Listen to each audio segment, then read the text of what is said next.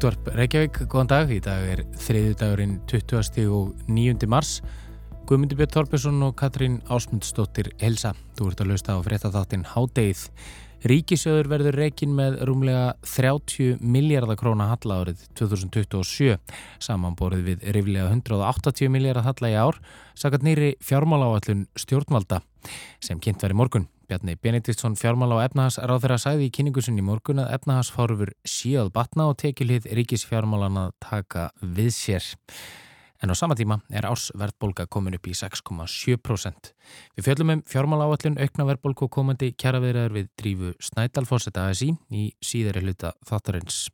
Ef við byrjum á öðru, tveir starfsmenn samfélagsmiðilsins TikTok hafa lögsótt fyrirtækið vegna óviðunandi starfsaðstana sem þær segja hafi allir þeim miklum andlegum skada og áfullum og ófullnefandi viðbröðum samfélagsmiðilsins við því. Katrín Ásmundsdóttir tekur nú veið og við viljum vara við umfyllunaröfninu.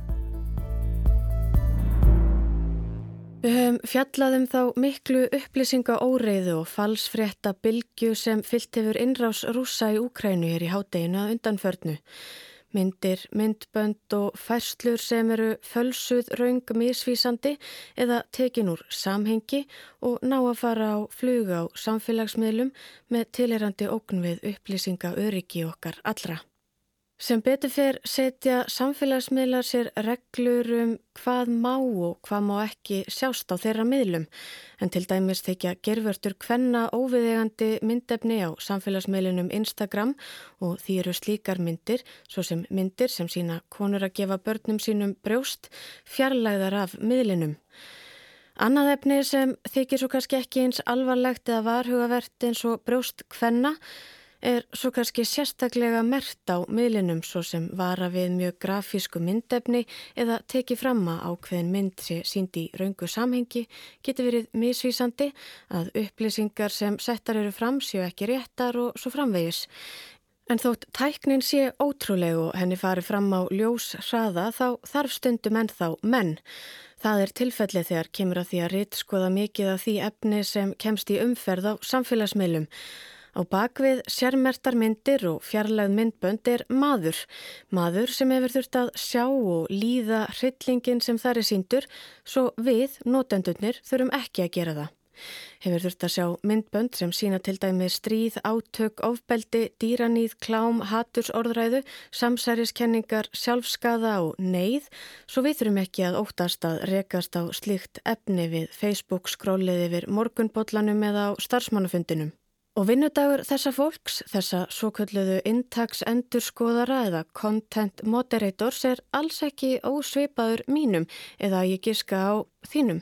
Það er skilgreindur vinnutími, það er spjalla við kollegana, drukkin hver kaffibótlin á fætur öðrum og það er ætlast til ákveðins vinnuframlags. Það þarf að ná ákveðnum kvóta, fara í gegnum ákveðið magnaf efni dag hvern áður en hægt er að láta gott heita pakka saman og fara heim eða í rættina eða hvaða er sem fólk gerir eftir vinnu. Eða eins og eitt svona efnisendurskoðandi lýsir deginum í nafnlausu viðtali við fréttaveituna Vice. I would basically just come in, find out what my target is for the day, press the button, just go and the first piece of content, boom, it's just there on the screen in front of you. Þú mætir á mótnana, sérð hvað markmið dagsins er, ítir á hnapp, byrjar, fyrsta myndbandi byrtist á skjánum, þú horfir, þú tekur ákverðun, Ítir á nokkra takka myndbandið hverfur og næsta byrtist og svo næsta og svo næsta. Hljómar kannski nógu saglust og hverstagslegt en hér er munurinn á vinnudegi margra og vinnudegi þessa manns. You are seeing dead bodies and murders or people celebrating having killed somebody. Þú sérð lík, morð, fólk sem stærir sig af því að hafa myrt einhvern. Þú sérð hunda brenda lifandi. Sem sagt, engar óeftirsóknavert myndefni sem fæst okkar vilja eflust nokkuð tíma þurfa að sjá hvað þá kannski í vinnunni. Og innan þessa stjættar verður það alltaf ljósara og ljósara og skýrara og skýrara að það sem við sjáum hefur áhrif og afleðingar. Við erum ekki ónæm fyrir hryllingi eða hörmungum annara og kannski sem betur fer. Og það vekur hjá okkur viðbröð eins og sjá má á því hvernig uppljóstrarinn lýsir viðbröðum eins kollega síns við fyrsta myndbandinu sem hann rakst á í vinnunni af sjálfskaða. Fyrsta myndbandinu þar sem hann sá einhvern í raunverulegri lífshættu. Just heard this like shouting, this guy just shouting like, I've got a suicide, what do I do? And he was in a complete panic because there's a life at risk right in front of him, right there and then. Og það sem við sjáum á það til að eld okkur heim, eða eins og hann lýsir. Stundum vaknar þú skyndilega á nóttinni og minnist einhverjar myndar frá vinnudeginum og fattar allt í hennu að það var nakin stelpa á myndinni eða ísisfáni í bakgrunninum. Þannig að þú ert greinilega ómeðvitað að endur spila og skoða þetta efni í höstnum á þér þegar þú sefur. So you're obviously replaying this stuff in your head. Afleðingarnar fóru sem sagt að gera vart við sig innan og utan vinnu og smátt og smátt fór hann að missa alla von og trú. It's just become this mindless drudgery where you've desensitized yourself from what you're seeing on the screen in front of you. Hann hafi gert sig ónæman fyrir myndefninu sem byrtist á skjánum og vinnan var orðin að heila lausu striti. Loks þegar svo kom að því að hann hætti sagðist hann bara hafa fundið fyrir létti, eintómum létti. En þá var vinnan bara rétt að byrja, allavega sjálfsvinnan.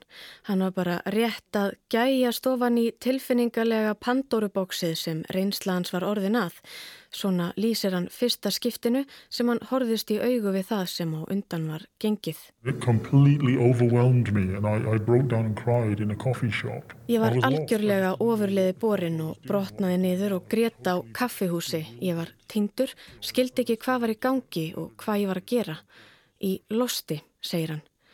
Og það var svo ekki fyrir hann sótti sér hjálp, lækna og sérfræðinga og fór að tala um reynslu sína við aðra og komast til botts í því sem hann hafi upplifað að hann fattaði að Facebook hefði fullkomlega niður bariðan og það án þess að hann hefði einu sinni tekið almennilega eftir því. Vinnu aðstæðunar hafðu ekki bóðið upp á annað. Þau máttu alls ekki segja orðum vinnuna sína við aðra, skrifiðu öllundir samninga þess efnis og jú það var eins konar heilsurheistist heimi á staðnum sem hægt var að leita til en enginn þar hafði þó reynslu eða sérfræði þekkingu til. Úrræðin sem bóði var upp á voru ófullnæjandi að hans sögn og meira eins og svona til málamynda eða skrauts. Þá hafa hann fundið fyrir skeitingaleysi meðal eigenda og yfirmanna fyrirtækisinn sem helduði statt og stöðugt fram ofinbarlega að enginn hefði hlotið skada við starfið og það gæti í raun ekki haft sálrænar afleiðingar í förmið sér. Og upplifin og reynsla þessa ákveðna starfsmanns Facebook er alls ekkert einstæmi. Fleiri hafa talað og líst samskonar upplifinum, líka starfsmenn annara samfélagsmiðla fyrirtækja. En nú hafa tveir starfsmenn samfélagsmiðlsins TikTok, konur sem unnu við að endurskoða, rítskoða og flokka verstu myndbönd internetsins, ákveðið að stíga skrefinu lengra og leita hreinlega réttar síns vegna þess skada sem þær segjast hafa orði fyrir við störf sín og vanræk vanrækslu og hyrðuleysi yfirmanna og eiganda. Þar halda ég fram að fyrirtækið hafi hunsa þau sálrænu áföll og afleðingar sem þar urðu fyrir vegna starfa sinna og haldið áfram að þrýsta á þær að skila óraunhæfum kvóta dagsins því vinnuframlegi sem ætlast var af þeim að skoða hundruði hróttalega myndbanda hverja vinnuvíkuna og fætur annari. Þessi háleitu og óraunhæfu kvótar þýttu að margir starfsmenn þurftu að horfa á mörg myndböndi í einu, ofta ekki meira enn í 25 sekundur í senn til að geta haldið í við kröfur 12 tíma vinnudagsins þar sem tvær 15 mínútna pásur voru öll kvildin frá stritinu. Vinnukröfunar og ótryggt starfsumhverfið standist ekki vinnuréttarlög nýja heldur þau úrræði sem fyrirtækið býður upp á til að vinna á skadanum en TikTok hafnar öllum slíkum ásökunum. Lögsókn starfsmannana tveggja kemur í kjölfar þess að ákalla á eigandur samfélagsmiðla um að fyrirtækin axli ábyrð á starfsemi sinni, innihaldi miðlana og velfarnaði starfsfólksins verður sí háværara. En hvað svo?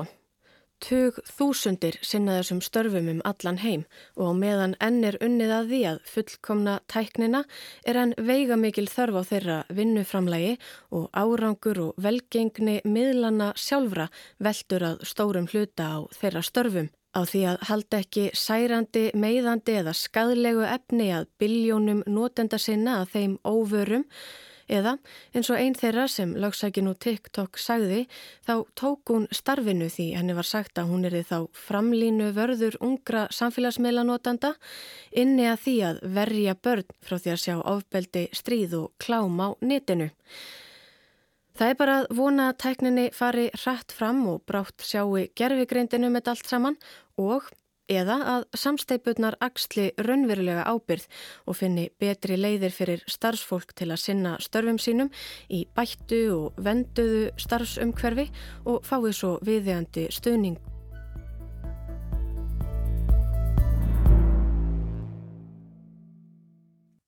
En þá ætlum við að ræða um fjármála áallun stjórnvalda sem Bjarni Benediktsson fjármála og efnagsráð þeirra kynnt í morgun á hverju ári. Fyrir 1. april leggja stjórnvald fram svo kallega fjármála áallun sem er fjármála stefna hins ofinbera og er sett fram til 5 ára hefði skemsta.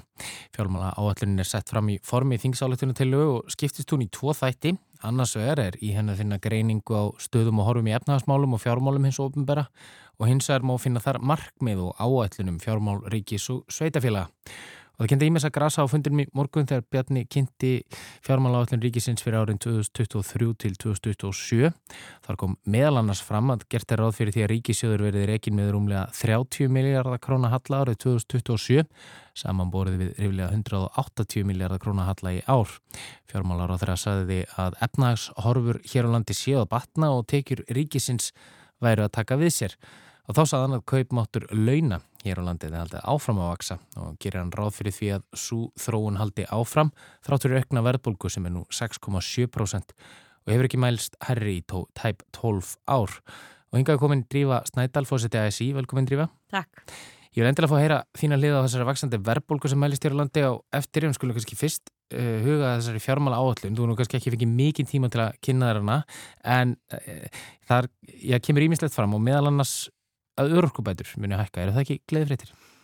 Uh, það er alveg örugt mál að þetta er eitt af stærstu viðfórsefnum samfélagsins að, að hérna bæta kjör, kjör öryrkja og þess vegna skauta svolítið skökku við þegar við sáum að öryrkubætur samkvæmt glæru og kynningu fjármálurraður í morgun hækkar um 430 miljónir. Uh, inn í því eiga að vera mikla kerfisbreytingar þar sem er farið að leggja meira áherslu á að koma öryrkjum út af vinnumarkað og svo framvegis í hlutastöður sem, sem er ekki til en, en látið það leggja mellir hluta. Um, þannig að þetta dögar mjög skamt til að bæta hag öryrkja. Um, þannig að það voru vonbreyði að sjá ekki meiri hérna, viðbætur þar í. Um, og að síðan má náttúrulega bæta því við og öryrkjar eru þeir sem eru kannski í verstri stöðu í íslensku samfélagi og það eru ýmsa leiðir til þess að bæta uh, hag þeirra sem er í vestri stöðu. Það eru tilfæslu kjærfin, húsa, húsalögubætur, húsnæðisbætur, vakstabætur, barnabætur og svo framvegis. Uh, en það er heldur ekki, sér ekki stað að það sé verið að gefa í þar til þess að bæta hennar versettu. Þannig að við sjáum ekki uh, margar vísbætingar uh, eftir að hafa skautað yfir þetta mm -hmm. með hraði að það, það er að, að leggja áherslu á það. Einmitt, einmitt. Og ef við tölmum um þá sem að svona, já, höllustum fætti standa í samfélaginu þá, e, e, þá er kannski áhugavert að skoða svona þessar örfáu skatta eða, eða einu jafnvel skattahækkun sem við sáum bóðaða þarna e, sem að ef við skilda rétt snýra því að e, því meira sem þú keirir því, því meira þarfst að borga. Er þetta ekki svona típiskur fátakra skattur? Jú. Uh, við teljum þetta típiska fátæktar skatt. Uh, auðvita er einhver svona lógik í því að ef þú keirir meira, slítir meira vögum að þá borgir meira fyrir það. Og það er svona hinn grænu sjónamið sem segja það til þess að reyna að draga úr, úr, hérna, úr akstri. Hins vegar er staðrændi svo hérna á Íslandi að fólk hefur þurft að flýja hátt húsnæðisverð uh, í hérna miðbæreikjavíkur eða, eða hérna nærvinnustöðum sínum uh, út í útjæðrina og við sjáum bara fólksflutningarna um Reykjanesvegin á hverjum degi, um Suð, Suðlandsvegin á hverjum degi uh, þannig að það eru mjög margi sem hafa flúið hátt húsnæðisverð vegna lára launa til þess að komast í ódæra húsnaði á svona jöðrum reykjaukur eða, eða í útkvarfum eða, eða bæjafélum í kring. Uh, hækkun á sköttum uh, gagvart þessu fólki eru einu skattahækkanirnar sem eru bóðar í þessari áallun. Um, og þetta er ekki fólki sem er búið að vera að kaupa sér ramaspíla á niðugröndu verði uh, undanfarin ár. Uh, þannig að hérna, það er engin svona jöfnunar hugsun þarna. Ef að hefðu átt að fara í það auka tekjur ríkisjóð sem ég til reynda að vera mikilvægt, þá hefðu þurft að hækka bankaskatt sem að það reyndar einhver ráþurra ríkistjórn sem hafa tekið undir það ákall Uh, og síðan höfum við alltaf bent á það að fjármastekjuskattur eru lár. Þeir sem láta peninga vinna fyrir sig er að greiða miklu minni skatta heldur þeir sem vinna með eigin hundum í samfélaginu og það er ekkit alveg sangjant og, og síst af öllu sangjant gagvart sveitafélögum þar sem fólk sem hefur bara fjármastekjur er ekki að greiða útsvar. Nú var Kristrún Frostadóttir, þingmaður samfélkingar eh, spurðum viðbröð sín við þessari fjármálaállun í, í hátægisvettum og, og hún nefndi þar meðal annars að henni þetta, já hún ekki taka miða vaksandi verbolgu, sko skoða hana eins og eftir en, en þá nefndi hún líka einnig að eh, svo kvöldu stoppframlög eh, sem á að vera svona já, fjárfestingarframlög í samstarfið við sveitafélagin og að styðja við ódýrt og óhagnadri við húsnæði samkvæmt eh, samkvæmt þessu þá, þá, þá mun það dragast saman úr 3,8 miljórum í 1,8 miljórar strax á fyrsta ári tímabilsins eh, hún, hún talaði um að þetta veri mjög skýr stefnumótun Hva, hvað þýðir þetta? Uh, já, ég var reyndar ekki við vorum ekki búin að rýna þessa mhm. tölur uh, það má segja það að það að fara með stoppframlög í þessu óhagnaði drifnu leigufjölög er í rauninni það sem hefur virkað hvað best á húsnæðismarkaði síðustu áran. Uh, og við hefum að byggja á því sem hefur virkað. Þetta hefur virkað með því að lækka leigu og búa til örögt húsnæði fyrir þá sem vilja ekki eða komast ekki inn á eigna markaðin. Þannig að uh, ef við ætlum að byggja á einhverju sem hefur virkað, þá hefur við að byggja á þessu. Það hefur kannski sjálf að vera erfæri en akkurat nú að komast inn á eignamarkaðin. Nákvæmlega og hérna og ég tala náttúrulega um að við erum að fá fjölmarka utan úr heimi til að leggja hund á bló hérna á Íslandi eh, sem ætla kannski að vera til skamstíma, eh, ætla ekki að kaupa sér húsna og svo framvegs. Eh, hins vegar má líka segja það að vegna lóðaskorts að þá hefur, hafa ekki öll stoppframlegu verið nýtt undanfarin ár við veitum það sem setjum í stjórn Bjarks í búðafélags að það hefur þurft að skila einhverju stoppframlögum uh, en, hérna, en við leggjum áherslu að það stoppframlögum mæti þörfinni og þá erum við að hugsa að svona 25% af þeim íbúðum sem eru byggðar, það er stefnum sem við viljum sjá, fari í svona óhagnæðadrifin fjölög. Uh, til þess að tryggja bara hérna að, að það sé eitthvað jafnvægi á húsnæðismarkanum og að þetta verði leiðandi í því að, að hérna að fólk geti búið í örgu og góðu húsnæði sem þetta náttúrulega stýst um á, á sæmlugum kjörum. Já, en þá skulle ekki eins að, verðbólkunni, Hagstofan byrti áhugaður tölur í morgun og, og sama tíma og kynning fjármálar á þeirra fór fram en, en í þeim tölum eh, kemur fram að árs verðbólka hér á landi sem komin í 6,7% og verði ekki verið að herri sér í mæ 2010 það fyrir tæpum 12 árum hækkandi húsnæðis, eðsneitis og fataverð hafi mest áhrif á aukna verðbólgu í, hafiði mest áhrif á aukna verðbólgu í síðasta mánuði og, og þá hækkaði verð á bensínu og óljum um, um 8% og húsnæðisverð um 2% född og skór hækkaði um 5% eh, verðbólgan hefur bylnins bara rókið upp hér á landi til sambur og þá meldist hún 4,3% í ágúst. Eh, Bjarni talaði þó á sama tíma um að kaupmáttur hafi hækkað e, þannig ég spyr því bara hvernig er fólk að hvernig finnur launafólk fyrir þessari verðbólgu? Og er þetta rétt hjá hann að kaupmáttur af hækka og það kannski hafið ekki neitt sérstaklega áhrif á okkur? Já, til lengri tíma þá hefur kaupmáttur hækka en það er að fjara mjög hressilega undan ára núna. Og við finnum það bara öll uh, þegar við settum bensin á bílinn eða förum út í búða að við erum inn í dýrtíð og við sjáum ekkert endilega fyrir endan á henni. Það fyrir eftir úkræfnistriðinu og, og aðfengum og svo framvist þannig að við getum ég er ekkert endilega mjög bjart sín á að, að verðbólka sé að fara uh, neyður uh, en þetta er náttúrulega svakalega tölur 6,7% við hefum ekki séð svona mjög lengi uh, um þetta er tvent að segja. Þetta er ekki launadrifin verðbólka. Það er búið að vera hérna einhver hugmyndafræði í íslensku samfélagi um að, að laun séu það sem drífi áfram verðbólku. Svo er sannal ekki núna. Þetta er húsnæðisverð. Þetta eru hagstjórnar mistök sem gerðir í tengslu við húsnæði. Það er að segja liðka fyrir lónsfjármagni á meðan það kemur ekki nóg frambóða húsnæði inn á markaðin þannig að það bara spennir upp verðið. Alvarlega hagstjórnarmistök sem að launafólk er að súpa segðið af núna. Um, og, og þó að þessi hagstjórnarmistök sé ekki að þá er náttúrulega verið uh, verðbolga og við sjáum það bara allt í kringum okkur að það, við erum ekki Við erum ekki í sérflokki í verðbólgu lengur, uh, það er viða í kringum okkur og flest stjórnvöldi kringum okkur hafa greipið til einhvers konar aðgerða. Það greipið til aðgerða með því að uh, uh, greiða niður orkuverð sem er nú kannski ekki þörfa hérna á Íslandi en það er það ekki stóra, stóri útgjaldaliðurinn í heimilsbókaldi Íslandika stóru liðnir hjá okkur eins og matálaverð, húsnæðisverð samgöngukostnaður og auðvitað hefur ríkið möguleika til þess að koma til móts við fólk þar. Og enn og aftur minni ég á tilfæslu kerfin okkar sem eru svona þessi þessi hérna tæki og tól sem við höfum í samfélaginu til þess að auka jöfnuð, að koma peninguna þanga sem honum hans er mest þörf. Uh, og það er barnabætur, það eru húsnæðisbætur og það eru vastabætur.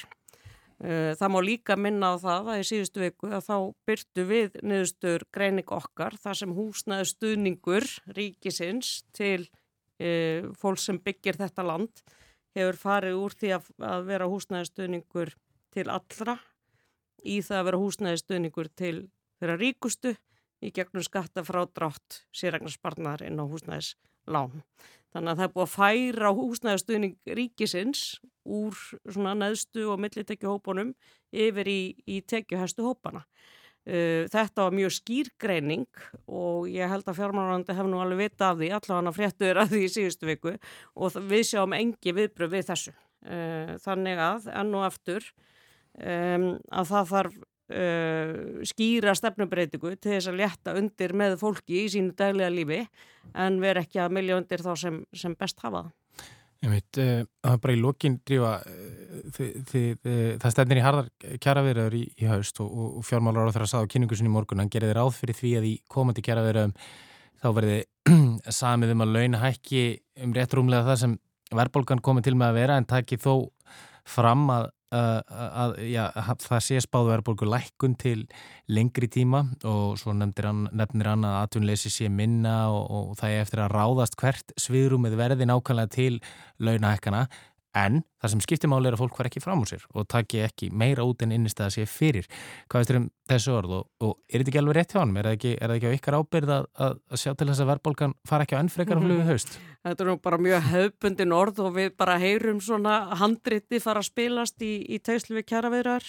Við því vil ég segja að Íslenska verkefælsefingin hefur alltaf gengið til ábyrgra kjarasamninga og það sýnir sér í því að Íslands launafólk hefur fengið hluteld í framleiðinu aukningu, þar segja, uh, með mikilli og hardri baróttu höfum við náð að halda takti í framleiðinu aukningu þannig að við launafólk á Íslandi fái hluteld í, í hérna verðmætasköpuninni.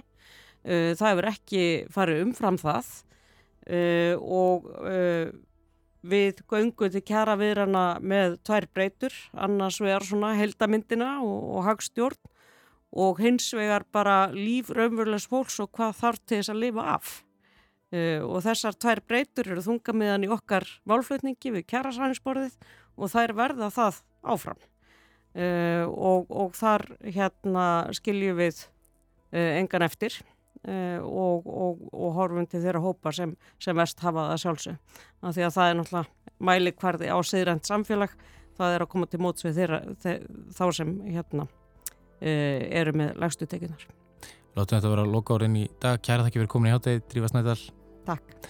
Háttegið er á enda í dag, við verum hér aftur á sama tíma á morgun. Þátturinn er einni aðgengilegur í spilaranum og hlaðvarpsveitum og þá er þetta að senda okkur post með ábendingum á netfangið háttegið hjá rúf.is. Verið sæl.